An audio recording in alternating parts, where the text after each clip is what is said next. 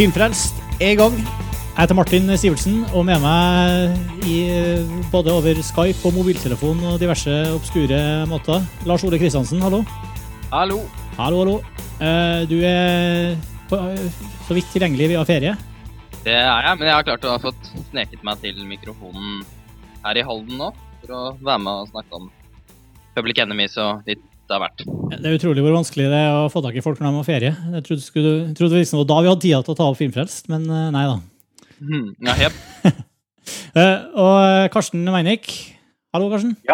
God, god kveld, god kveld. God kveld. Fra en naken ø i eh, Oslo, Ja. nei, utafor Tønsberg, var det? Ja, jeg befinner meg ute i havgapet. Jeg er på en liten øy, øy som heter Veiland, som ligger utenfor Tønsberg.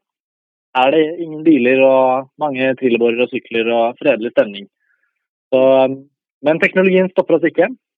Og apropos, apropos det du sier om sommerferie, kanskje, kanskje er det ikke tid til å ta opp eh, så mange podkaster, eller kanskje så skjønner man at det er vanskeligere enn det vanligvis er. Men man får jo sett desto mer film. Man får liksom tid til å lure fram gamle DVD-er og det er, eh, det er mye å snakke om. Så nå som sommeren er på hell, så kan det hende vi kan ta det igjen da, med desto mer innholdsrike nye episoder utover høsten. Ja, mer tid til å fordøye. og Kan også, jeg hører kanskje mye at folk kanskje ikke har tid til å høre på like mange podkaster som vanlig ellers, når de ikke pendler til og fra jobb osv.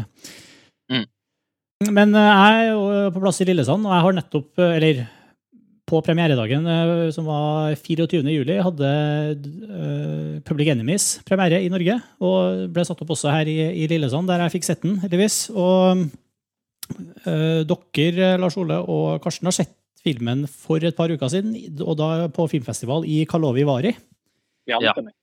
Kanskje vi kan begynne med å spille traileren, tror jeg, før vi sier noe mer. Så hører vi på den, så vi får sett, satt stemninga.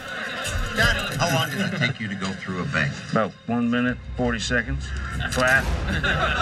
Only way that you will leave a jail cell is when we take you out to execute you. Well, we'll see about that. With President Roosevelt's support, I am declaring United States of America's first war on crime. Your task would be to get John Dillinger. Are you up to that task, Agent Purvis? Absolutely, sir. How about a drink? What is it exactly you do for a living? John Dillinger of banks. Go to Chicago and make some money. Woo! Brandon Fine. Every time I read about one of your bank jobs, when you give the customers back their money, you crack me up. Whole country thinks you're a goddamn hero. Who gives a damn what the public likes? I do. Where are you going? Anywhere I want. I'm gonna take you with me. All of it now! We're having too good a time today. We ain't thinking about tomorrow. Warner, John Dillinger, dead or dead? We're too good for him. That's why we're on top of the world. I ain't going nowhere. He's out there. Could be anywhere. But he's not anywhere because what he wants is right here. Don't come to Chicago, Johnny. I promised I'd look after you, didn't I? Well, then that's what I'm gonna do. Pick up all known Dillinger associates, doctors, family. Where are they? I want to know where they are. I don't know. Where is he?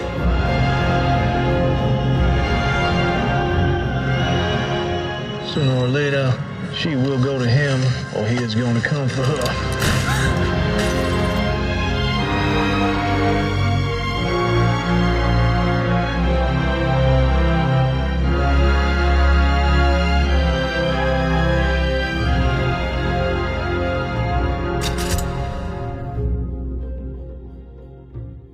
Hvordan var det å se Public Enemies eh, på, på filmfestival? Hvordan, det er alltid en litt sånn spesiell stemning knytta til filmvisninga, særlig hvis det er filmer som folk aldri har sett før. Karsten, hva, hvordan, var, hvordan tok, tok salen Public Enemies? Ja, det var, det var en veldig god visning. Det var det.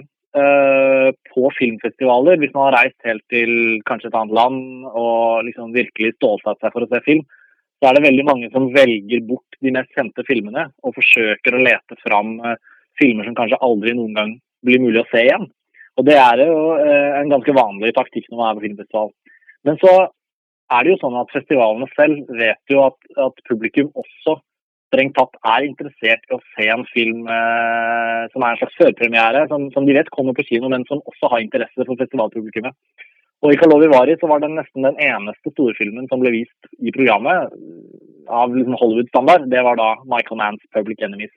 Og egentlig så er det ikke så rart valg, i og med at Michael Manns status som regissør, som en helt særegen eh, visuell filmskaper som, som er eh, ja, i, i særstilling også i Hollywood. Når han har et nytt verk, så er det egentlig på sin plass å vise det på festival. Uh, selv om han veldig sjelden åpner filmene sine på store festivaler som Cannes og Berlin og sånn, så, så, er det likevel egentlig en veldig relevant film å vise.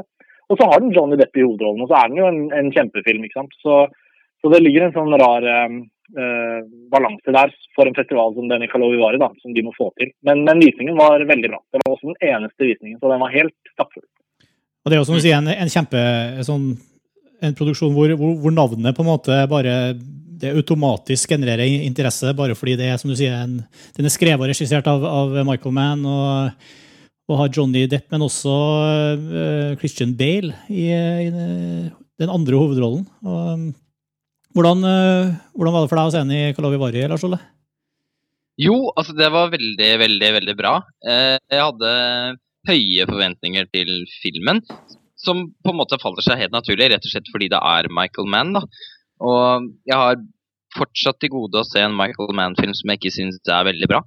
Um, og, og, det var liksom, og det var klokka tolv på kvelden, og det var fullsatt sal. og det var liksom, det var sånn, Man ble litt sånn opphissa av den stemningen som var der også. Men jeg må jo si at jeg syns at filmen var enda mye bedre enn det jeg hadde turt å håpe på. Ja. Jeg syns at uh, tra traileren og materialet virker jo kan Altså, jeg var litt stressa da, for at det skal, skulle bli denne litt sånn kjipe Oscar-filmen. Ja. Den her uh, historien om John Dillinger. En litt sånn slags The Aviator var jeg veldig redd for at dette skulle bli. Det ble det jo absolutt ikke. Nei, det ble jo bare skyting! hva, skjer, hva skjer med disse The Aviator? Altså, hæ? Den filmen har holdt seg mye bedre enn uh, ja, Ok, vi skal ikke begynne å snakke om den. Nei, altså, jeg, jeg, jeg, liker faktisk The Aviator, jeg også. Men jeg hadde ikke lyst på The Aviator fra Michael Mann. Og, for det fikk vi på mange måter med Ali. Ja. ja så, og vi, man man fikk veldig ikke det nå. Altså, det, det, som var den store beruselsen over å se Public Enemies, var at det var en skikkelig, skikkelig actionfilm. Og det var en actionfilm for, for mer, da, syns jeg. Det var eh, Den var utrolig intens. Eh, veldig Altså, den er jo lang, men den føltes ikke lang i det hele tatt. Det er en film jeg gjerne skulle ønske at kunne vart en god halvtime til. Jeg bare gruet meg til at den skulle ta slutt, for jeg koste meg nesten helt i stykker. Det er vel ca. to timer og 20 minutter, tror jeg. Ja.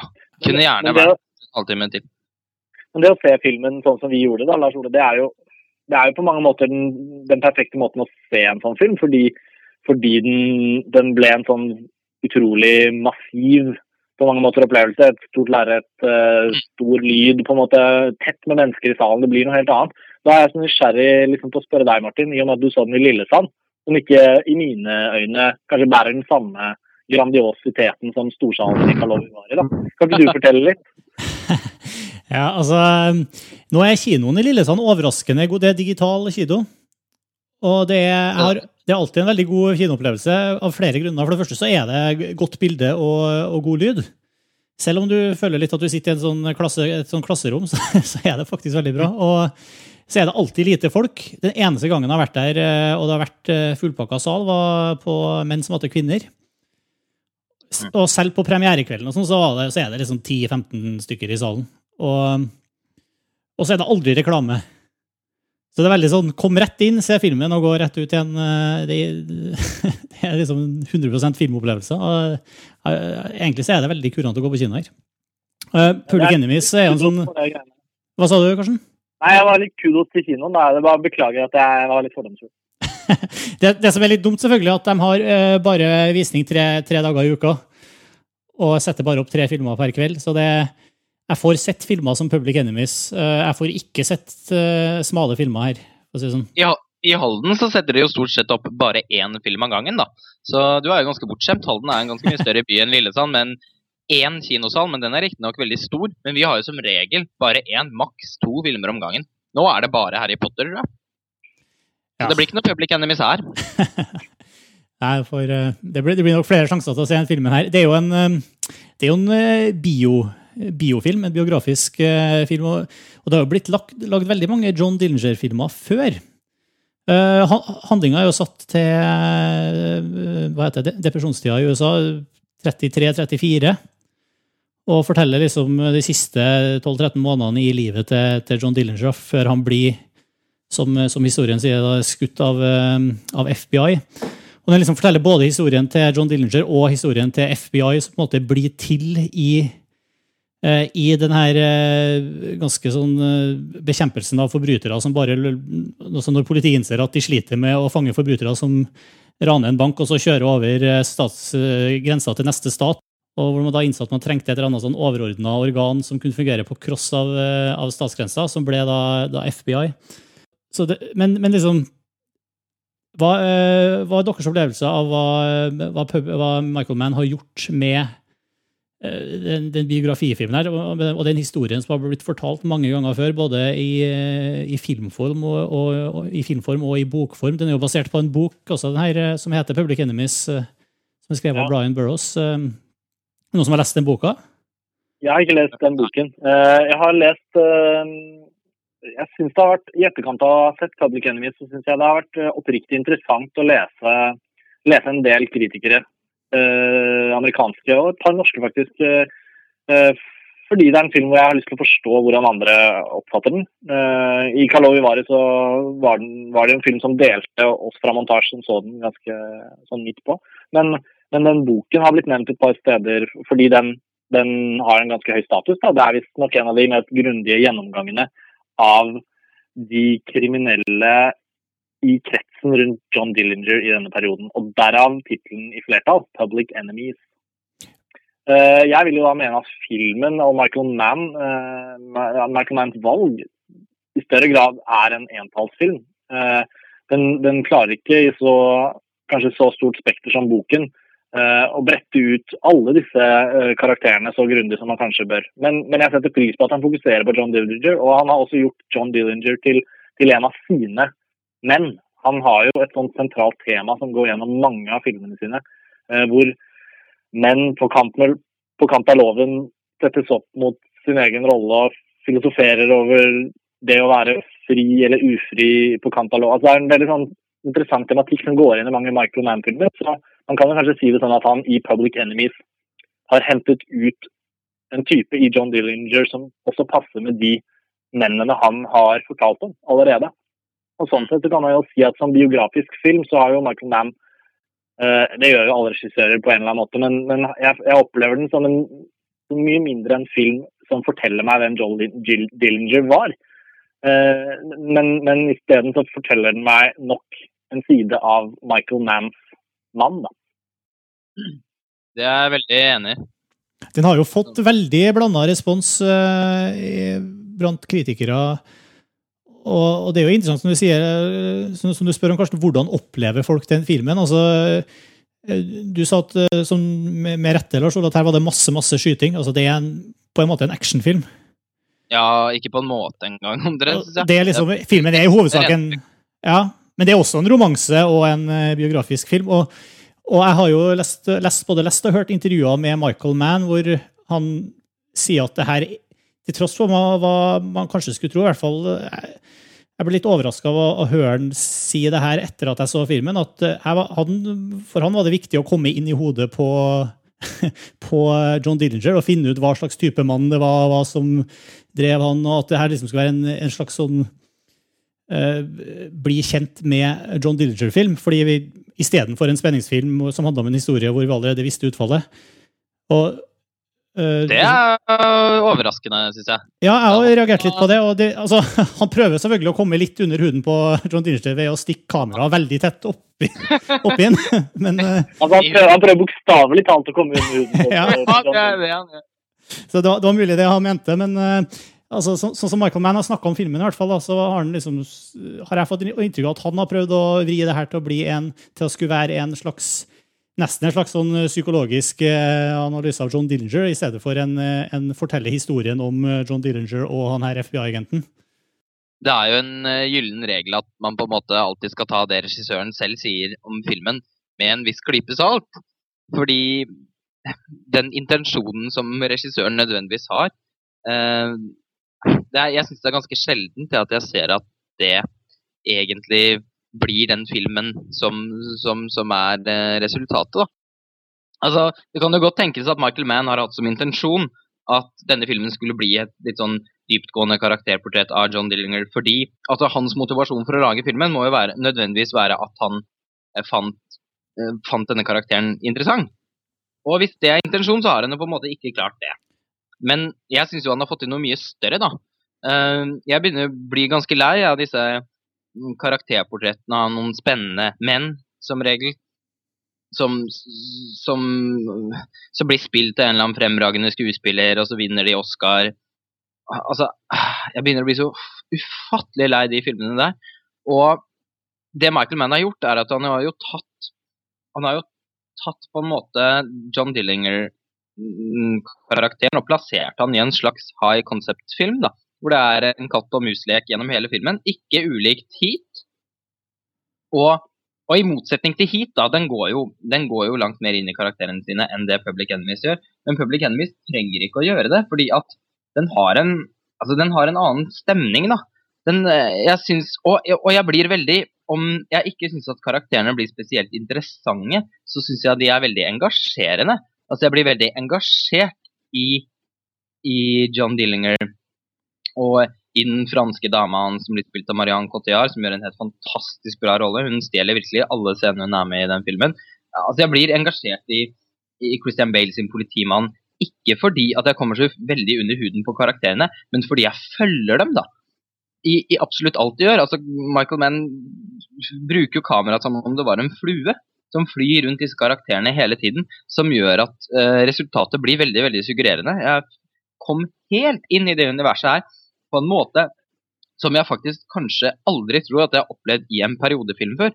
Og det, er, det syns jeg er det største komplimentet jeg kan gi til den filmen her. At jeg føler at det faktisk er en ganske viktig film. Altså på den måten at den den gjør noe nytt. Det er faktisk en nyskapende film. Og det har en del også av de norske kritikerne trukket fram. Da, at, at den innbyr til en debatt rundt filmens stil.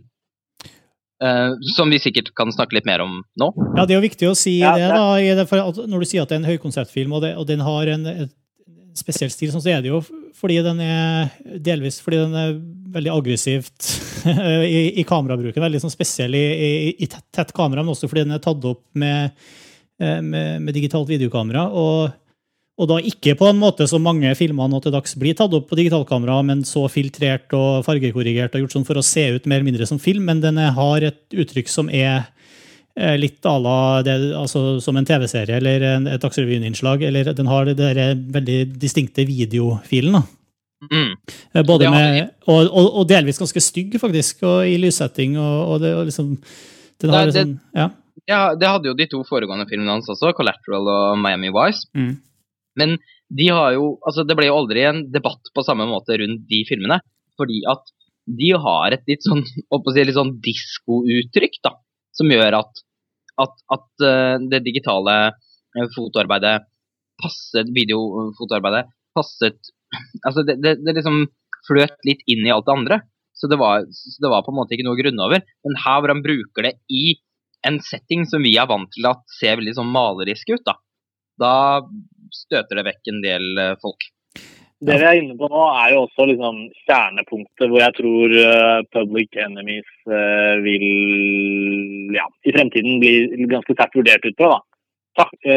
Aksepterte du det kunstneriske valget Michael Mann gjør om å gi den det distinkte uttrykket, eller aksepterte du det ikke? Jeg tror jeg vil ikke si det dogmatisk, men jeg, jeg opplever med, ut fra de diskusjonene jeg har hatt til nå om filmen, så, så ligger det veldig å vippe på det. Da. Uh, jeg uh, la selvfølgelig merke til det uttrykket mens jeg så filmen, men, men jeg, ble, jeg, ble, ikke um, tatt vekk og ut av filmen pga. det. Egentlig snarere tvert imot så følte jeg at på tross av at uttrykket er ganske synlig, så var det noe med tempoet i filmen og intensiteten i det bilde- og lyduniverset som han klarte å, å, å gjøre så dirrende, da, særlig i actionscenene. Så ble jeg liksom bare trukket inn, og jeg ble der. Og, og jeg vil bare gå litt tilbake på Lars Ole, du snakket litt om engasjement for karakterene. Ja. Um, og, og, der, og der kjenner jeg meg altså igjen i at jeg føler ikke at det er en film som Jeg føler egentlig ikke at det er en særlig dyp film. Uh, og da mener jeg den går ikke ned i de liksom uh, Ja, den går ikke ned i klangbunnen av menneskesjelen og surrer rundt og finner ut eh, hvorfor John Dillinger var som han var. Men, men den sier veldig mye om For han er på en slags Han er på en måte litt i unntakstilstand gjennom hele filmen. Jeg føler at han er Han skjønner at det går Det går liksom ikke helt veien, for han vet ikke egentlig helt hvor han skal. Uh, og, og, og han prøver på en måte å overleve. Han, og han bruker folk rundt seg. Han bruker tilliten han har fordi han er en bra fyr. Og han bruker kjærligheten han får. Han bruker liksom Han misbruker ikke i så stor grad forholdene til mennesker rundt seg, men han, men han gir veldig mye tillit, og så får han en del tillit, og så går det sakte, men sikkert eh, nedover. da. Og de relasjonene som knyttes, som Michael Mann tegner veldig godt, de engasjerte meg. Jeg, desto mer jeg har tenkt på filmen, så har jeg faktisk blitt selv om jeg syns Marianne Cotillard var glimrende i den kvinnelige hovedrollen som eh, Billy Frichette, hans eh, kjæreste, så syns jeg egentlig i større og større grad det var andre, andre skuespillere i biroller som, som som var mer minneverdige. Da. Og da tenker jeg særlig på en skuespiller som heter Jason Clark, som spiller liksom den nærmeste kollegaen, bankranekollegaen til uh, Dillinger. Og, og, som følger han uh, lengst i filmen. Han var Eh, veldig bra.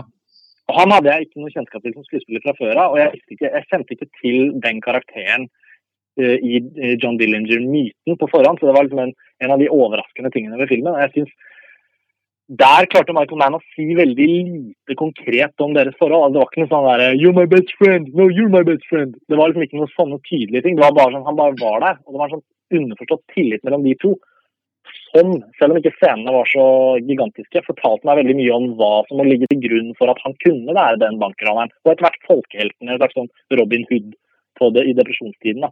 De der små nyansene der, de har jeg begynt å sette mer og mer pris på etter hvert som tiden har gått. Men det er Eh, veldig symptomatisk for hele filmen, da, fordi at den er en veldig sånn show it, don't tell it-film. Altså, eh, den, den er veldig Jeg opplever faktisk filmen som veldig subtil, da, fordi at alle relasjonene mellom karakterene, karakterenes bakgrunn, eh, hva de eh, Altså Og på en måte deres sinnsstemning, da, syns jeg vi merker gjennom måten det blir spilt på, gjennom måten vi observerer dem på. Det blir ikke fortalt. Det er ingen sånne klassiske karakterscener, og det syns jeg var så deilig. Ja, helt det. Og, og bare for, for å snakke litt om politimennene. Da. Man skulle jo tro at Christian Bales karakter, hoved-FBI-fyren, med Melvin Purvis, eller hva han heter, jeg husker ikke navnet hans. Men, men etter hvert som jeg har tenkt mer på filmen, så er det ikke han i politigruppa jeg husker best. Det er han, eh, han litt eldre, meritterte FBI-fyren som de bringer inn, og som får en sentral rolle helt mot slutten av filmen. Den karakteren, han husker jeg bedre. Han sneket meg mye mer inn i huden min da, i etterkant tenker jeg liksom, så, så, så creepy han liksom var til stede i filmen uten å ha noen åpenbar funksjon. Men du skjønte det var noe. Og så mot slutten av actionscenen i skogen der, som jeg syns jo er helt fantastisk, eh, men som har fått veldig mye kritikk, hvor kanskje fotoarbeidet eller den digitale estetikken er mer synlig. Uh, Den masse Det er de beste scenene i hele filmen. ja, mange, ja. mange av de kritikkene jeg har lest, har i hvert fall merket seg den som en slags sånn ekstra irriterende scene. Men jeg, men jeg har respekt for at folk ikke kommer inn i filmen pga. at uttrykket er sånn som det er. Så jeg snakker bare med utgangspunkt i at jeg var inne i filmen. da. Men sånn sammenligningen med Heat er på en måte litt åpenbar, fordi at den har det samme konseptet med den slags katt og mus-leken, men med en politimann etter en skurk. Eh, I likhet men- med 100 000 andre filmer, selvfølgelig. Ja, ja, selvfølgelig, men ettersom det er Michael Mann, da, så blir det naturlig å trekke den referansen. Men jeg vil jo si at den er en slags krysning mellom Heat og Miami Vice. da. Og Miami Vice var jo en film som veldig mange veldig, veldig, veldig mange mislikte. Eh, selv om den I Norge husker jeg den jo egentlig fikk veldig bra mottakelse hos kritikerne. Men, det var, men når man snakker med folk, så er det jo veldig mange som syns at Miami Vice er kjedelig. Og de føler ikke at de kom, på, Akkurat på samme måte som i Public Enemy, så føler de ikke at de kommer inn i karakterene. De synes det blir langt, merkelig.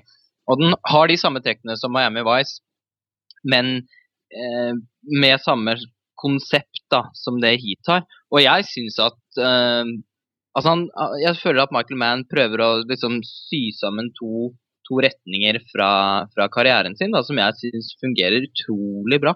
Jeg, ble, jeg syns dette var en veldig kompromissløs film. eh, Som, som helt tydelig Jeg, jeg syns visjonen som Michael Mann har hatt, da, er veldig, veldig tydelig.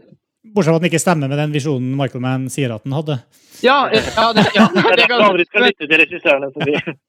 ja for det, skal, det må man ikke gjøre, fordi at de vet ofte ikke hva Altså, en kunstner Det er et uttrykk som heter 'dum som en maler'. Han, og det handler jo om at man aldri vet hva det blir man egentlig pensler. Og, og det samme er det når Michael Mann har pensla inn den filmen her, tror jeg. Altså, det har vært kladd på kladd. Ja, men, men Og- tror du det? Altså, det virker jo som en mann som vet hva han gjør. Han, han, Han er, han, perfekt, han er jo kjent for å være perfeksjonist. ja, altså, han, han valgte ikke det, å filme med det kameraet her og den teknikken her bare fordi det var billig, liksom? Eller at eh, Nei, nei, nei, overhodet nei altså jeg mener at det er en veldig sterk visjon der, men filmen bærer jo også preg av å ha en litt sånn kollasjeaktig stemning, da, som jeg syns også Miami Vice hadde. De, de tidligere filmene hans er litt mer sånn stringente, og også litt mer eh, ja, hva skal, konvensjonelle, da. Jeg syns han har sprunget ut i en eh, Etter at han begynte med digitalt videokamera, så syns jeg han har sprunget ut i en litt mer sånn eksperimentell retning, som jeg syns kler han veldig, veldig godt. Jeg syns at dette er kanskje mest sånn Jeg syns Public Enemies på mange måter da er den mest kompromissløse filmen mm, visuelt sett da han har laget siden kanskje Manhunter. Hvis jeg skal si noe om hva jeg liksom sitter igjen med altså, sånn, Jeg syns det var en veldig interessant film. Og veldig eh, eh, eh, film som er spennende fordi, nettopp fordi den eh, bare ber om å bli man, det, liksom, det, det forlanges at man tar et, et standpunkt til de valgene som, eh, som filmskaperen har tatt i å lage den. Altså man liksom, du har, du har aldri sett et sånn, en gangster, pe- periodedrama, kostymedrama filma på den måten her før. Sånn, du er vant til å se store, flotte, sveiende byscener, og de skal vise fram alle settene man har bygd, og alle kostymene sine. Og, altså, men det er, liksom, det er liksom ikke det du får her, da, selv om det er fine dresser i, i, i Public Enemy. Så, men det, det, er liksom, det er noe helt nytt da, som vi aldri har sett før. og den, Derfor syns jeg at det var en eh, interessant film å se. Men jeg, klarer, jeg syntes ikke filmen var spesielt god sånn eh, dramatisk og som, som, eh, som film. Jeg, jeg satt ikke og følte at den var veldig tilfredsstillende for meg som, som filmtitter. Eh, Ikke i nærheten av det jeg sitter- og føler når jeg ser hit, for eksempel. Eller, eh, og, og den gleden jeg hadde av å se filmen, lå først og fremst i at jeg satt og koste meg over hvor, hvor nytt det her føltes. Det syns jeg, det er- det synes jeg det er liksom viktig å på en måte omfavne litt også, da. Det er jo veldig mange filmer som er veldig bra, syns jeg, som kommer. Som, som man tenker at å ja, den var veldig vellaget, den var veldig gjennomført, åh, det, alt stemte. Men så er det ingenting å snakke om etterpå.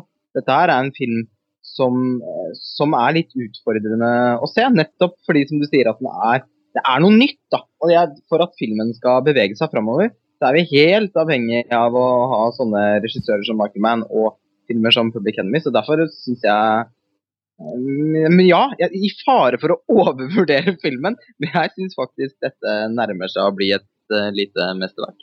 Ja, men jeg, jeg, jeg syns ikke at det at han gjør noe nytt, er noen unnskyldning til å skyve til å liksom eh, At man kan liksom tilgi alt det andre som er, etter min mening ikke funka i filmen. Da. Bare fordi at, at det er at, at det er satt sammen og, og presentert på en ny måte. Nei, jeg, jeg skjønner det. En ting som er viktig å, å ta opp da, synes jeg, fordi det er kanskje en av de tingene som har sunket litt i status hos meg ved denne filmen, er jo hvis man fjerner alt dette vi snakker om da, og koker det ned til dette manuskriptet som ligger i bunn, som jeg føler kanskje Når jeg tenker litt på det, så kjenner jeg jo liksom at det er jo hans evne som på en måte Han, han har liksom fortryllende filmspråk som appellerer veldig til meg. Og Lars Ole kan bevitne at dette var en film som jeg virkelig opplevde. Jeg eh, så den med, med, med radikalt slapt analytiske øyne, og i mye større grad så var jeg veldig inni filmen. da. Og Vi hadde et sånt eh, kollektivt sånt eh, frysningsøyeblikk hvor det er eh, noen av de gangsterne som nærmest surfer på en sånn bil etter et ran. Og så mm. Lars Ole og jeg bort på hverandre og, og var litt sånn i eufori. da. Og, og det er litt den opplevelsen som ligger til grunn for min veldig sånn helhjertede anbefaling av filmen. Men når jeg har fått tenke mer på den, og liksom hvis jeg forsøker å sette narrativen litt sånn etter hverandre og Jeg studerer jo klipp av film, liksom, så man blir jo veldig sånn inni det med hvor, hva fortelles når, og hva er det vi egentlig kommer fram til. Så syns jeg jo manuset er litt veikt, på en eller annen måte. Jeg har ikke helt klart å sette fingeren på det, men det er derfor jeg gleder meg til å se den igjen. Ja, ja, det er jo syltynt, og det var jo så mange småting her som jeg hadde lyst til å se mer av. på en måte. Det var, Ja. Jeg hadde lyst til å se mer av de her eh, FBI-politiske sakene her som jeg syns virka spennende, men det ble liksom så vidt besøkt og så vidt lagt grunnlaget for et eller annet spennende her, men så, ble, så var vi ferdig med det. og så og I tillegg til rettssalsekvensene, og vi fikk masse på, Jeg føler at han tisa oss med nærbilder av eh, personer i, i, i rettssalen som vi hadde lyst til å se mer, mer interaksjon med. Sånt. Men så er vi ferdig med det, så hopper vi videre. Det er mulig at det var veldig bevisst. Men er ikke det litt typisk for Michael Mann sine filmer, da? Altså, jeg syns jo ikke Jeg må jo si det, Med et veldig hederlig unntak av The Insider, da, så føler jeg jo ikke at filmene hans er, er så veldig handlingsmessig interessante. Jeg syns jo alle handler om Jeg syns jo alle er fryktelig enkle. Ja, og det, det, det gjelder jo også hit. Ja, også Ja, hit. det er, det er særlig hit og Miami White passer inn i den. Jeg synes jo den, den siste Mohikanet, for eksempel, jeg mener, du kan ikke Der skjer det jo helt uh, utrolig mye. Ja, men Det er, jeg, Altså- ja, den vil jeg forsvare. For den historien i seg selv som den filmen klarer å få frem i løpet av varigheten, Men- den synes jeg var ganske omfattende. Ja, nei, men altså, dette er jo ikke en kritikk, da. Jeg elsker jo Michael Mann. Men ja, nei, men jeg, det er, men det er ikke som en stor eh, Som en, som en eh, forteller av veldig flotte, sånne store historier, da. Det, det har jeg aldri opplevd eh, hos han, som sagt med unntak av The Insider. da. Eh, jeg syns stort sett han har veldig enkle konsepter. Det er måten han gjør det på. Og jeg syns at Public Enemies er noe av det mest kompromissløse og interessante han har gjort. Og jeg ble, på samme måte som, som Karsten, da, så ble jeg jo veldig, veldig sugd inn i den filmen her. Jeg syns den var sinnssykt fet, da. Det er de beste actionscenene jeg har sett på så lenge jeg kan huske. Dette er kan, min type jeg kan huske tilbake til veldig gode actionscener, men jeg, jeg er helt enig med deg i at den er bare rent altså, Hvis vi dropper hele analysen her, og hvis uh, lyttere som eh, ikke er interessert i analyse, fremdeles er med oss, så herregud, for en underholdende film bare, sånn, bare som en opplevelse. altså. Jo, men Den er jo, den er jo nesten verdt å anbefale. Hvis, hvis noen uh, jeg, mener, jeg har jo mange familiemedlemmer som sikkert ikke engang tenker noe særlig på hvem Michael Mann er, og liksom driter i det, men som har lyst til å ha en bra filmopplevelse. Og der leverer denne filmen her bare alene på det. Ja, altså De skuddvekslingsscenene er jo så fete at man kan, kan jo rett og slett begynne å grine. Men jeg, tror at, jeg tror at Hvis man ikke har, Det hvis man ikke har et bevisst forhold til det, så vil man sitte og irritere seg over at uh, hvorfor er det ikke noe lys i de nattscenene her, hvorfor er alt, ser alt så stygt ut? og Tror du ikke man vil uh... Jeg tror man blir sugd inn i filmen. ja. Nei, altså, jeg, jeg, ble, jeg ble også sugd inn, uh, og jeg syns jo særlig altså, åpningsscenen synes jeg var kjempekul. Uh, Fengselsutbruddet i starten og, og, og Men jeg føler at jeg ble sugd ut inn, og så ble jeg liksom sugd ut på andre sida etter tre kvarter. på en måte. Kan jeg spørre, fordi jeg har prøvd å tenke litt på filmen, eh, og prøvd å liksom, for det er noen punkter hvor jeg liksom føler jeg ikke helt husker hva som skjer. Jeg tror kanskje det er litt de svakere elementene i filmen. Hvor var det du følte det begynte å liksom bli kjedelig, egentlig, Martin? Uh, du mener etter, etter skytescene to, tre, fire, fem, seks eller sju? Nei, jeg vet ikke, jeg spør, jeg, fordi jeg, jeg, jeg, jeg klarer ikke helt å huske det selv, men jeg husker jo på en måte at det var filmen tok, hadde et sånt taktskifte der et sted. Jeg syns det begynte å bli kanskje, kanskje etter det andre fengselsutbruddet. Ja. Jeg syns det var veldig underholdende da, liksom, da John Dillinger er- blir tatt til fange og er liksom mediekjendis og har all pressen mot seg, og han er veldig cocky og har en superkul advokat i rettssalen osv. Liksom, ja, selvfølgelig skal vi passe på John Dillinger, og så stikker han av. Og igjen. Men, men etter, etter der liksom så, så gikk det liksom litt nedover, veldig nedover for meg. Ja, men dette er en opplevelsesfilm, da. Altså, jeg syns det er eh, jeg, eh, Men det er klart, enten hvis man da ikke blir engasjert sånn som, sånn som deg, Martin, så, så eh, skjønner jeg at det blir veldig enkelt å på en måte eh, kritisere filmen og plukke den litt fra hverandre òg. Det handler bare om at jeg går veldig i forsvar for den filmen her, fordi at jeg syns at opplevelsen av den var så utrolig bra, da. Jeg satt, jeg satt på kanten av stolsetet, jeg smilte, jeg satt og gliste store deler av denne filmen, fordi jeg satt så ekstremt pris på måten Michael Mann gjør dette her på, da. Jeg synes at mm, som actionregissør så syns jeg han eh, er helt i særklasse. åh, og, og, og liksom alle Jeg syns det er liksom Jeg syns også det er viktig å på en måte tenke at det er ikke alle filmer som skal inneholde absolutt alt på én gang. Og denne filmen, ok, den har ikke et veldig dypt karakterportrett. Den har kanskje ikke et spesielt minneverdig manus, men herregud, så mye annet den har, da. Og mange av de beste actionfilmene som er laget, har jo syltynne manus, enkle karakterer osv. Og, så og jeg syns det er viktig at vi skal vurdere dette som en actionfilm, og ikke som noe annet. Selv om man tenker at den skulle være noe annet før man så den, så syns jeg faktisk resultatet av filmen var en actionfilm, og da syns jeg man skal vurdere den som det, da. Og jeg tror definitivt at det en sånn varig kvalitet for en film her, er jo nettopp de tingene vi er inne på, rett og slett fordi de kommer til å bli diskutert veldig mye. Altså, han klarer å lage en film som egner seg for rett og slett for interessant filmanalytisk diskusjon også. Og og hvor mange Hollywood actionfilmer har uh, klart det de siste ti årene? Jeg, synes, jeg har jo ikke samme Jeg ble ikke like revet med av actionscenene heller, jeg må innrømme. Selv om det var mye bra. Ja. Så Nei, men Det er jo viktig å ta med. jeg, jeg, jeg, tror faktisk ikke det er en film som er så godt likt.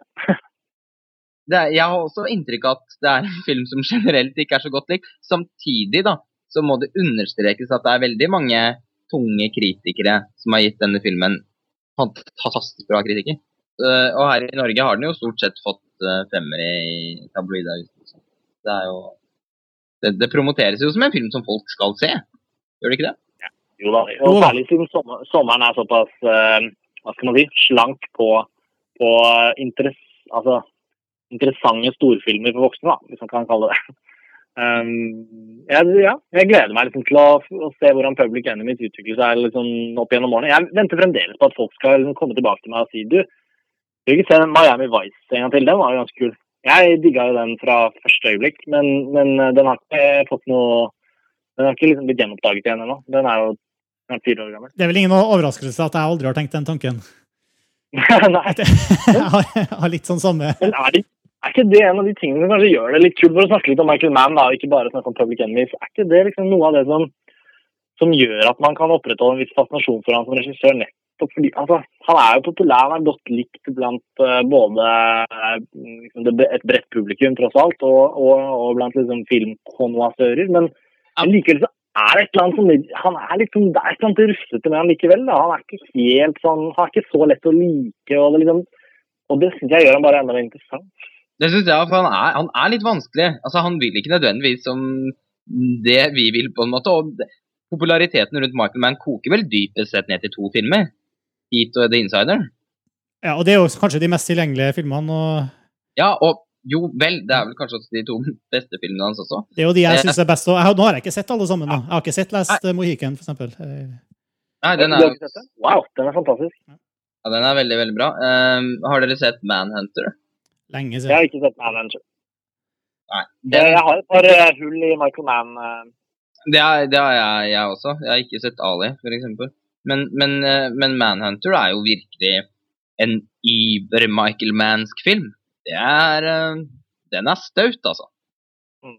Den er virkelig Altså, den forteller jo Den ble jo Fikk jo en remake med Red Dragon i 2002 eller noe et eller annet. For å på, på, en måte kunne fortelle fordi den, det er jo egentlig den første, den er basert på den første boka om Hannibal Lecter. Og den ble remaka med Anthony Hopkins for å på en måte gjøre mer ut av Hannibal Lecter-karakteren i 2002.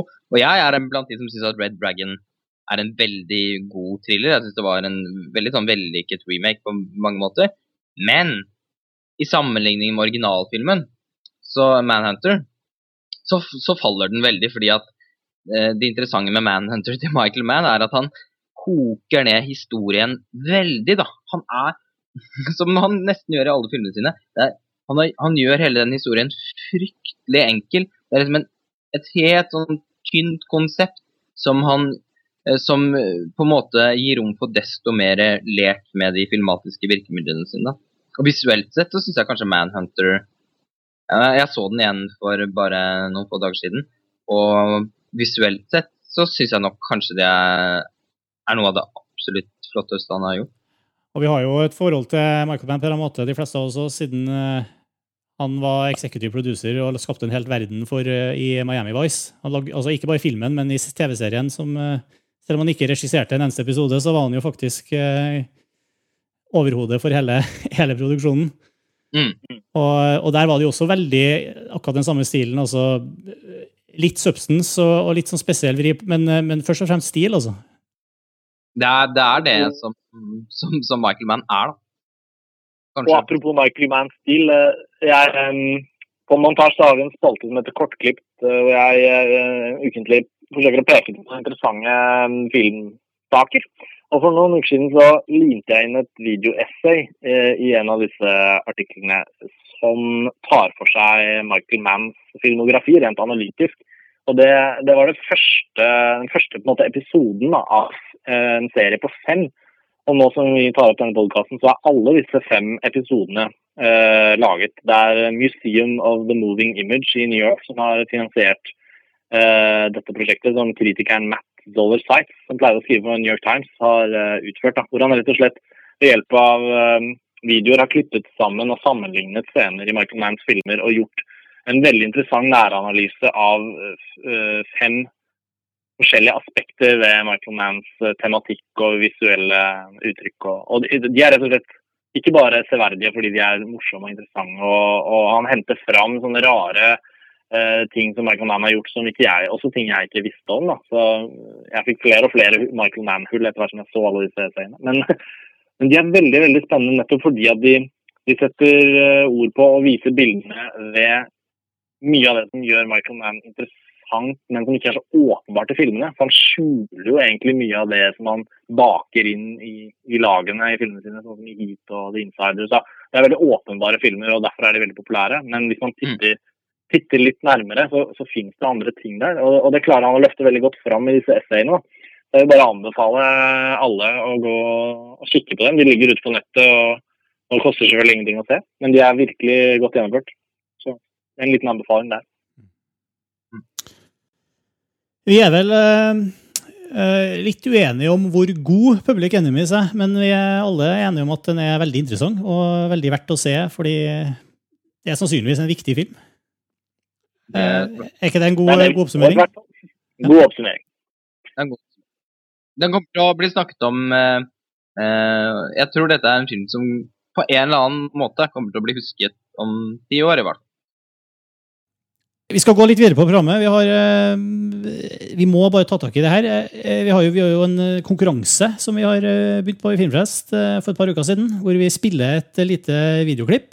Eller vi hører selvfølgelig bare lyden. Vi spiller et lite klipp fra en film. Og så er det opp til dere som hører på, å gjette hvilken film klippet er fra. Og Første gangen vi gjorde det her, så var det ikke noe problem å komme fram til at det var Die Hard vi spilte klipp fra. Men sist gang så spilte vi et klipp som åpenbart var veldig vanskelig å lokalisere. Jeg klarer det ikke. Nei, det var, ikke jeg heller. det er faktisk ingen som har klart det. Jeg har fått inn ett eh, forslag, og det var feil. Klippet er, Jeg kan spille det på nytt igjen her nå, fordi det som kommer til å skje nå, at eh, vi må bare la det her gå inntil noen klarer å gjette hvilken film det er fra. Eh, så her er det. Oh, that was wonderful. I feel so refreshed. I think we should have had sex, but there weren't enough people. We'll use the orgasmatron. That's a good idea. Come on. You know, I think Beverly's nose looked larger tonight. Oh, I like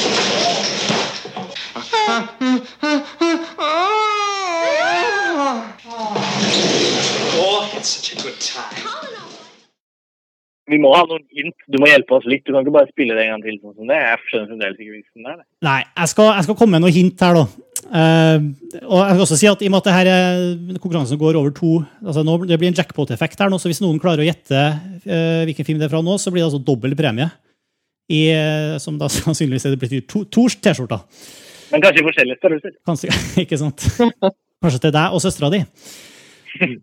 Eh, men jeg fikk inn ett tips eh, på være sist gang, som, eh, hvor det var en del lytter som hadde lurt på om det var fra Barbarella. Og eh, ut ifra klippet og dem, så kan jeg skjønne hvorfor eh, han gjetta på Barbarella, 1968-filmen. Eh, men eh, det var så feil. Eh, feil film, men eh, det er grunner til å tro at det kan være fra den filmen når du hører klippet. Eh, Det, det andre hintet jeg skal komme med, kanskje, er at eh, det er fra en filmskaper som er kinoaktuell i år. Og som er generelt sett eh, veldig produktiv. Så jeg tror ikke jeg skal si noe mer enn det. Det har vi noe å grunne på. Noe å grunne på. Send oss mail. skal jeg si det. Mailadressen er også filmfrelst.montasj.no. Hvis dere vet hvilken film det klippet var fra. Men når vi snakker om sommerfilmer da, for Public Enemies, er jo som, som Det er jo egentlig en sånn litt sånn slank kinosommer, kanskje. Men Public Enemies er jo et av de virkelige høydepunktene på filmsommeren så langt. Men jeg har jo, må jo også si at jeg har en, en annen favoritt fra i sommer så da. Ja, um, Nå er, nå er vi veldig spente, Lars Ole. Hvilken film er det Transformers 2? Som er, for, som er fo- folkets favoritt, så vidt jeg har skjønt. Ja, nei, det er Transformers 2. Jeg syns den har vokst veldig jo mer jeg har tenkt på den. Nei, det er den der My Bloody Valentine 3D. Det er den der, ikke sant? Ja, den har jeg også Nei, den har jeg ikke sett, da. Men dessverre ikke fått meg. Ok, Få høre hvilken det. Lars Ole. Og det er ikke Istid 3! Men det er eh, Harry Potter og Halvblodsprinsen. Ja. Aha. Som er en fenomenalt bra film. Uh, fy faen, så bra den var. Jeg har sett, sett, jeg har sett den to ganger nå. Du har Oi. også skrevet varmt om den på montasje, vet jeg. Ja, nei, det var jo før jeg hadde sett den. Oh, ja. Og det var vel heller om serien som helhet. Som jeg syns eh, har hatt en veldig beundringsverdig utvikling. Da. Jeg syns at uh, de har uh, De har ivaretatt den serien på en veldig, veldig fin måte, syns jeg. Og mm, det har vært uh, et utrolig sånn Jeg vet ikke. Jeg, jeg begynner å synes det er ganske rørende å se Harry Potter. da, Fordi at jeg har på en måte fulgt disse karakterene siden første filmen i 2001, også enda tidligere enn det gjennom bøkene. Og vi har jo fått se disse uh, skuespillerne vokse opp fra å være små barn til å bli voksne, pene folk. Og jeg synes vi har vært med i en slags oppdragelse av alle disse her. Altså, de har blitt stadig blitt bedre skuespillere. De, uh, altså, hele universet har hatt en uh, utvikling som jeg i hvert fall finner veldig dynamisk. De har byttet ut masse regissører, vært ny fotograf på hver film. Det er på en måte, Jeg føler at de har gjort sitt for å holde liv i det her. da. Og jeg syns at Harry Potter og Halvblodsprinsen var en slags svenneprøve, ettersom bokserien er slutt. Og det er langt mindre fokus på Harry Potter eh, i media enn det det har vært på de tidligere filmene. Så føler jeg på en måte den filmen her ble en litt sånn, der, en litt sånn vanskelig Potter-film.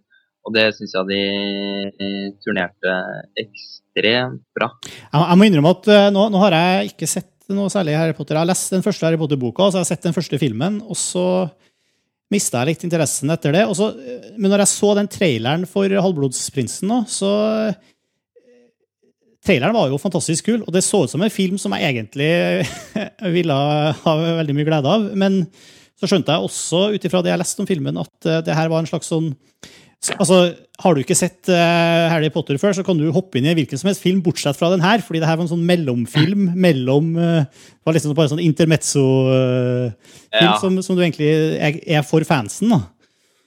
Det er litt sant. Ja. Eh, men samtidig så er det også veldig mange som, som jeg har snakket med, som mener at dette kanskje er den filmen som er best for de som fra før av ikke er så engasjert i Harry Potter også. Eirik eksempel, hadde jo en sånn reaksjon på den, tror jeg. For den, den ser jo veldig den ser veldig pen ut og veldig eh, vis, eh, tung på effekter og veldig eh, visuell. da. Ja, altså effekt, Effekttung er den faktisk ikke, da. Okay. Det er vel kanskje den Potter-filmen så langt med minst spesialeffekter i. Den brukte alt på Men- traileren. Ja, Det brukte alt ganske ut for meg. ja. Det er veldig- jeg falt jo av. eh, på, Ja. Jeg så ikke den forrige filmen. og Jeg tror jeg falt av litt fordi jeg var så mett på hele greia. Mm. Og særlig effektene. Ja, altså, den uh, Dette er vel helt klart den filmen så langt som minst Altså, det er ikke den eneste sånn creature omtrent i hele, hele filmen. Den er veldig, den er veldig, veldig sober. Og den er uh, men, men det mangelen på effekter kompenserer den veldig med i det andre visuelle. Da, for fotoarbeidet er vel kanskje ja, i hvert fall noe av det absolutt beste jeg har sett i år. Det er helt fantastisk.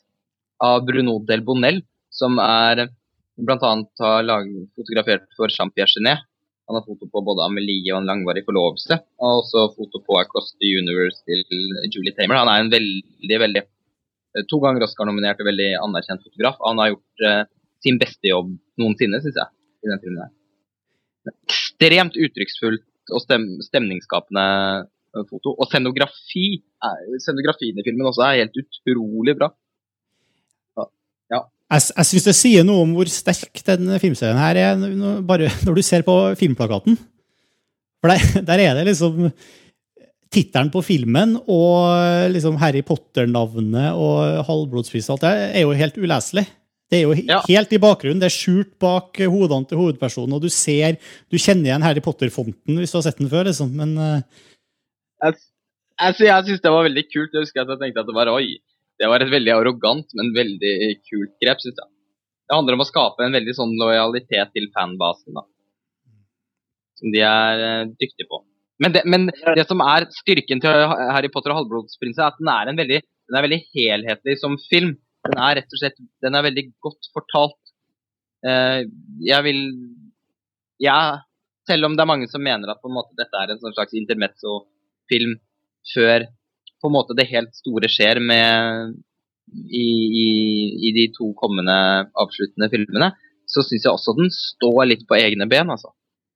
Jeg tror ikke det er så lett å Eller så vanskelig å skli inn i den, egentlig. Ja, nei, men Du har eh, brakt meg litt tilbake igjen. Eh, Vi har jo snakket litt om filmen før denne episoden også. Uh, og, jeg, og jeg har nå som plan å se opp den femte, og så oppe til den sjette. og så får vi se hvordan det går, da. Men eh, jeg, jeg skjønner at du er veldig entusiastisk på vegne av den franchisen. Jeg tror veldig på deg i forhold til de tingene du mener, men jeg merker jo liksom Jeg syns det er litt tungt å dra i gang den entusiasmen igjen. Jeg vet ikke helt hvorfor. Jeg, Jeg tror kanskje det er eh, Ja, jeg vet ikke helt hva jeg skal finne der, på en måte. Altså, nå mener jeg tematisk, eller en sånn story. Ja, Sitter jo også med det dilemmaet skal du, skal du sette deg ned og ha et maraton og se seks Harry Potter-filmer på rappen, på en måte? Er det jeg, jeg, jeg hadde det dilemmaet og bestemte meg for ikke å gjøre det. Serien har tre veldig bra filmer. Det er den tredje filmen. Det er den beste, kanskje ved siden av den nye her. 'Harry Potter og fangen fra Azkaban' av Alfonso Cuarón. Den burde jo i hvert fall alle som er fan av Alfonso Cuarón se. Han lagde jo 'Children of Men' etterpå. Ja, Den er jeg veldig glad i. Ja, Den tredje filmen syns jeg også er den beste av de Harry Potter-filmene jeg har sett. Eh, Den fjerde filmen er noe litt sånn nedtur igjen. Det ble veldig mye action og veldig mye eh, Ja, jeg var veldig dårlig på karakterutvikling og litt sånn stemningsløs på mange måter. Ikke bra, syns jeg, men ikke mer enn det. Femte var jeg veldig fornøyd med. Jeg, jeg, Synes jeg også er veldig bra. jeg klarer ikke å unngå å tenke litt sånn når det kommer opp i film seks. Det skal være to filmer til. Jeg tenker litt sånn Politiskolen. Sånn. Nei, men kjære? Politiskolen sju, Politiskolen åtte politi- Men da, Det er en morsom, morsom men litt useriøs sammenligning. Ja, det var, det var veldig useriøst. Jeg tenker, jeg tenker er bare sånn. Ja, hvis du skal være litt sånn ekkel og retorisk nå, da. Hvis vi går inn på Rotten Tomatoes, uh, så kan vi vel se at uh, ja, Politiskolen 7 har vel ikke 1 kanskje engang. Det var ikke, jeg, jeg, jeg tror ikke den serien ser så pen ut sånn på papiret fra kritikerhold, men det gjør faktisk Martin, Nei, det var, det var stygt av Martin, meg. nå er det mange, nå er det mange unge trollmenn i Filmfrelst-gruppa ja. uh, som, som spisser, uh, spisser uh, Det var stygt av meg. Jeg kan komme på flere lange, gode filmserier som jeg er glad i. James Bond, blant annet. Som også har Ja. masse forskjellige regissører og er veldig opp og ned. Star Trek. Ja, jo. Men, men det som er faktisk veldig spesielt, er at Harry Potter-serien har gjennomgående fått veldig god mottakelse, og alle har vært store suksesser. da. Altså, Det, det fins jo ikke, ikke en eneste som ikke har fått dårlig mottakelse av kritikerne. Alle har jo oppunder 80 og høyere Og så- på Rotten og så har det- så Det er vidt- imponerende i seg selv. Og så har det, så vidt jeg har skjønt, forhindra neste generasjon for å bli analfabeter. Det er jo en bragd. Ja, det er en bragd i seg selv. Det er jo Det applaus. skal J.K. Rowling ha. Ja, Og så kommer Warner Bros. og lager filmer sånn at ikke folk trenger å lese bøker. Sånn folk som meg. Mm, Ja, ja altså, men, men det, det de har klart å gjøre, er at de Harry Potter-filmene har blitt en sånn lekeplass for noen av de, de dyktigste fotografene, scenografene, kostymedesignerne i, i, innenfor eh, filmbransjen. Og det, det alene syns jeg gjør filmene veldig, interessant, veldig interessante å se. Ikke bare fordi jeg også er fan av Harry Potter-bøkene, men som film, da. Men, Forrige filmen for eksempel, hadde jo Slavomir Itzhak som fotograf. Krzysztof Kieslowski sin gamle fotograf. Arbeidet han gjorde, var jo helt formidabelt. Jeg satt og sikla under hele filmen. de er veldig lek de har blitt veldig lekre. Vi, vi, vi, må jo egentlig, vi må jo egentlig ha en hel episode, eller vi må jo ta, ta Harry Potter-universet mye mer alvorlig enn på slutten av en eh, Public Enemies-podkast. Vi tok jo Alien-filmen, og de er jo bare fire. Sånn at ja. eh, Tilbake for å ta det litt alvorlig, så kunne vi kanskje prøve å snakke om et par andre sånne filmer, og så heller returnere i fullt alvor til Harry Potter. I hvert fall innen neste film. Egentlig så, så bør vi vel eh, nå, sju, eh, Åtte er vel den siste filmen, er det ikke? Rosole? Ifølge Jo. bokserien i hvert fall, så, så er det vel bare rom for to filmer til? Nei, altså det er egentlig bare rom for én film til ifølge bokserien, men okay. de splitter jo den siste boka i to. Ja, nettopp. Og, det, så, og som kommer i 2011, ble det? Eller hva? 2000, nå, første, halv, første delen kommer i 2000, eller november 2010. Mm. Andre halvdelen kommer på sommeren 2011. Så om to år på Filmfrelst så bør vi ha en sånn uh, heldedikert uh, retrospektiv på alle åtte filmene. Ja, Det syns jeg vi skal ta allerede. Vi tar den i to deler. De første fire, og så de Vi tar hverandre i lufta på det. Og så tar vi TV-serien også, da. ja. Og så kan vi ha en egen episode om alle, alle de der fan... Alle merchandisen som er laget. Nei, men det, er, Ja. det er en veldig imponerende serie, i hvert fall. Det Ja, da. ja, nei, vi tuller litt. Unnskyld. absolutt. Nå, har du sett noe gøy på kino, Karsten? Jeg har sett Istid 3. Men uh, utover å si at jeg syns det var kjempemorsom og den beste av Istid-filmene, så har jeg egentlig ikke noe mer å si. Ok. Jeg syntes det var dødsmorsom, og det var den første filmen jeg så i digital 3D. Så det var faktisk um, et lite Hva skal jeg si? Ja, det var et lite merke der eh, i min film-kinoopplevelsesutvikling. Du har sett, du har sett de andre digital 3D. Istid-filmene? Ja da, jeg digger Istid, det. Men jeg mener det er jo inn den ene og ut den andre. Jo, jo. Nei, men det, Men eh, det er sikkert en ting jeg faktisk har gjort, er at jeg har hatt et lite sånn klassikerprosjekt. Er, eh, nå skulle jo Eirik vært her, siden han ikke kunne være med i denne episoden. Men eh, vi har uh, plukka en del klassikere sammen. og Sett en del klassikere. Uh, og det er alltid tilfredsstillende. Særlig når det er klassikere man uh, burde ha sett. Som du ikke har sett før, ja. Og, ja. Og, og en av dem som er selvfølgelig Jeg syns det er veldig viktig å kunne innrømme filmer man ikke har sett. Fordi det er jo veldig mange filmer man har sett, så kan man være stolt av det en annen gang. Men eh, jeg hadde da ikke sett 'Twelve Angry Men' av Sidney Lumet. Ah. Eh, som jo selvfølgelig Jeg er jo innforstått med dens klassikerstatus, men, eh, men da vi så den, så slo det meg at jeg, jeg var ikke helt forberedt på hvor ekstremt bra og relevant og bare genuint underholdende og nedrivende film det var. Den, den har ikke eldet eh, aldri en dag. Den er helt fantastisk. Det er Sidney Lumets beste film, syns jeg. God film. Ja, Ja, den er helt fantastisk. Men. Altså, ja, jeg vet ikke hvor jeg skal begynne. Det er nok en gang, det blir for stort emne for Jeg bare nevner at jeg har sett den, og jeg bare ble helt sånn Jeg så den eh, jeg, jeg så den for første gang for ca. et år siden. Jeg er helt enig. Ja, Den er okay. kjempebra. Ja. Ja, altså- Angry og Den lærte meg så mye om jurysystemet selv nå. Altså, det, det fikk, ga meg innsikt i veldig mange interessante humane dilemmaer eh, som eh, rettsvesenet rett og slett stiller oss overfor. Selv den dag i dag. Og for Mm. en, for en produksjon, da. Hvor, hvor, hvor, få, hvor få eh, lokasjoner og, og liksom hvor, hvor trang den er. Og så, så, samtidig så stor. Liksom. Den er som, på en måte som et, filmati som et film, filmatisert teater. Og den har blitt satt opp som teaterstykke også.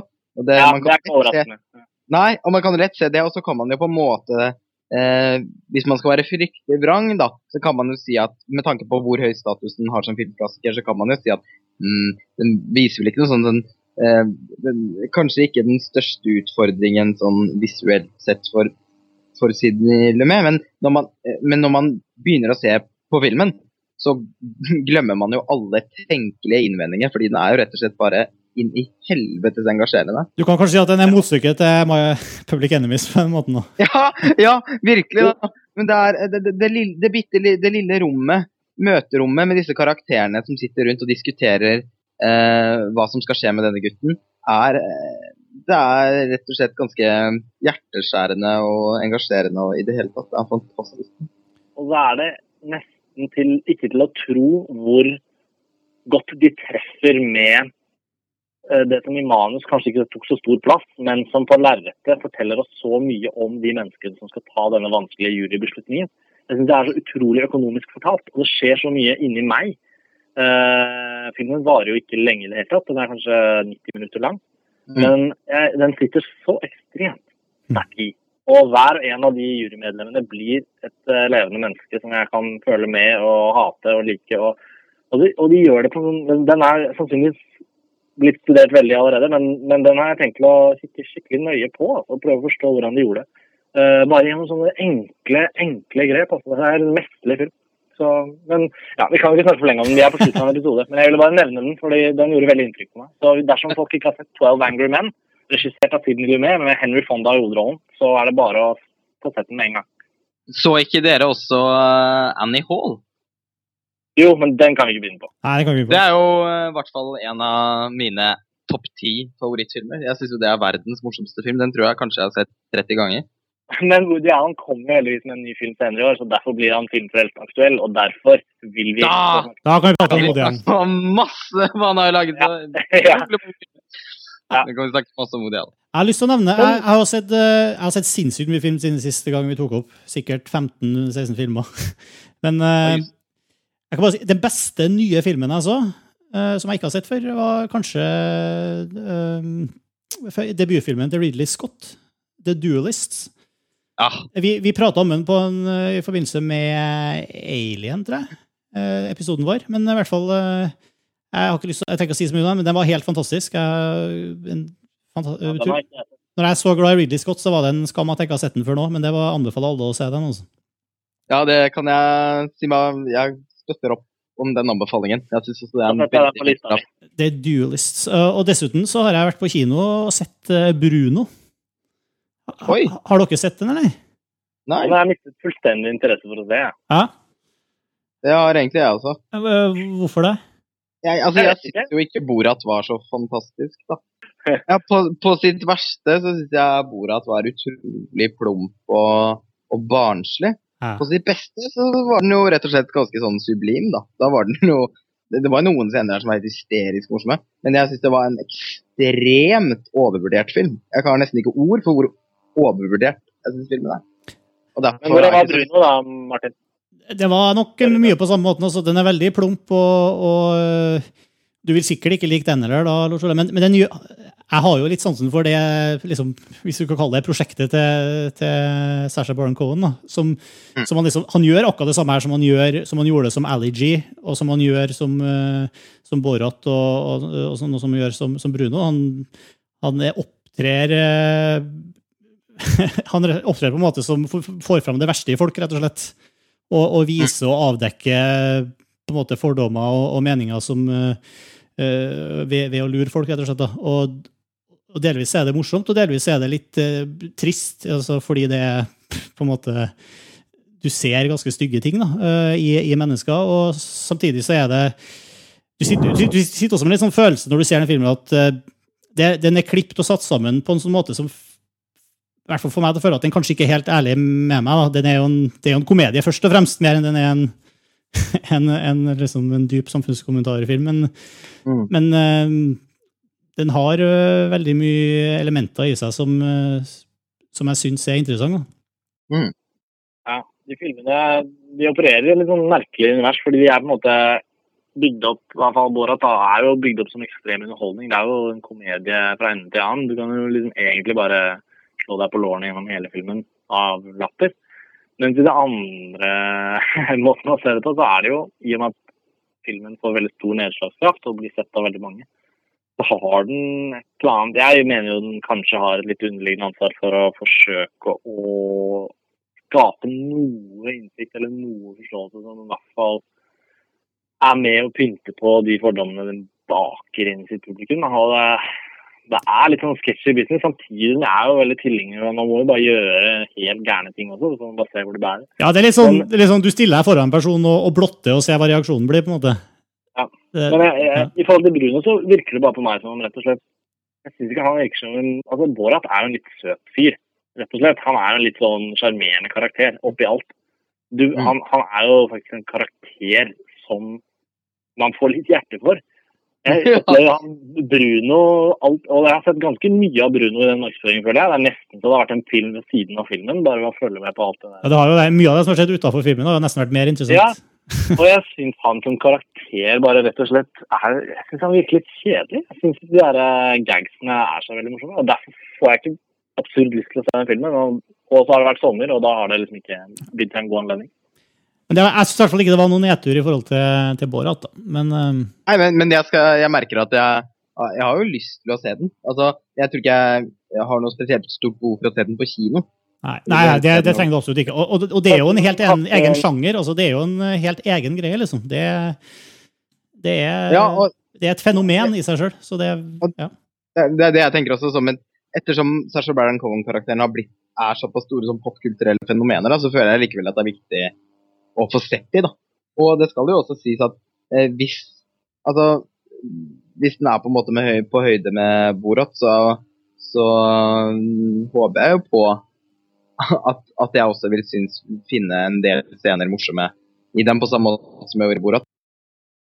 Jeg husker en scene fra en antikvitetsbutikk hvor han river ned alt i den butikken foran ekteparet som driver butikken, og har veldig hjerte for alle tingene som står rundt i den butikken. Han bare river alt sammen ned. Og de står der bare i sorg og ser at hele livsverket deres blir ødelagt. Det er forferdelig jævlig, men det er veldig morsomt. Det, Ja, det er litt der det ligger med de filmene, føler Ja, jeg. jo, men jeg føler også at det ligger eh, flere hakk eh, dypere enn det òg. For jeg, sitter, jeg sitter ofte og ler og gråter litt samtidig når jeg ser på Bruno. Liksom, fordi det, du, du ser en del stygge ting òg, og, da- og, og da er det ikke det Bruno gjør som er stygt. liksom. Da er det, det er liksom reaksjonskomikk her som er, som er som er liksom kjernen her, jeg føler, som gjør at det, at det her er verdt altså Det er mer enn bare uh, sketsje det, det, det er mer enn Mad TV, liksom. Ja. Ja, ja, Men uansett, det var det. Jeg ser jo på klokka nå at uh, du lov, jeg lovte at du skulle få lov til å stikke av nå, Lars Ole, når klokka nærmer seg 11. Ja. Det er nå. Det har blitt en lang og fyldig episode. Ja, som vanlig. Det har det blitt. Uh, det er kjempegøy. Vi er tilbake, jeg aner ikke når vi er tilbake, men det blir eh, forhåpentligvis ikke så lenge til. Vi er jo fortsatt i feriemodus, må vi innrømme. Ja, men det er siste ledd av ferien nå. Det er det, men jeg skal både flytte og føde den kommende måneden. Ja, det blir interessant. Så det, Og det er veldig spennende. det blir kjempespennende. litt, litt sånn som med den Arnold Schwarzenegger-filmen. Er junior, da. Så litt avhengig av eh, hva, hva, timinga blir på alt det her, så, så jeg er litt usikker på når neste episode blir. Jeg vet heller ikke hvilke filmer vi skal snakke om da, men eh, jeg Det er meg mulig vi går inn i baby, babypermisjon, men da blir det desto mer babybio etterpå. Ikke sant? Jepp, jepp. Nei, men takk for i kveld, folkens. Ja, tusen takk for Det var godt å få snakket om den filmen. Jeg føler, ja, eller Nå tenker jeg på Public Enemies. da. Den Ja. har gått og båret for lenge, så det, det var godt å få det ut. Jeg håper lytterne har fått noe ut av det. Det synes var veldig ålreit også, så takk for i kveld. Takk for i kveld. Ha det bra. Ha det bra. Filmfrelst er en ukentlig podkast fra filmnettstedet montasj.no. Du finner oss i iTunes eller på montasj.no slash filmfrelst. Og vi tar gjerne imot innspill og tilbakemeldinger på filmfrelst.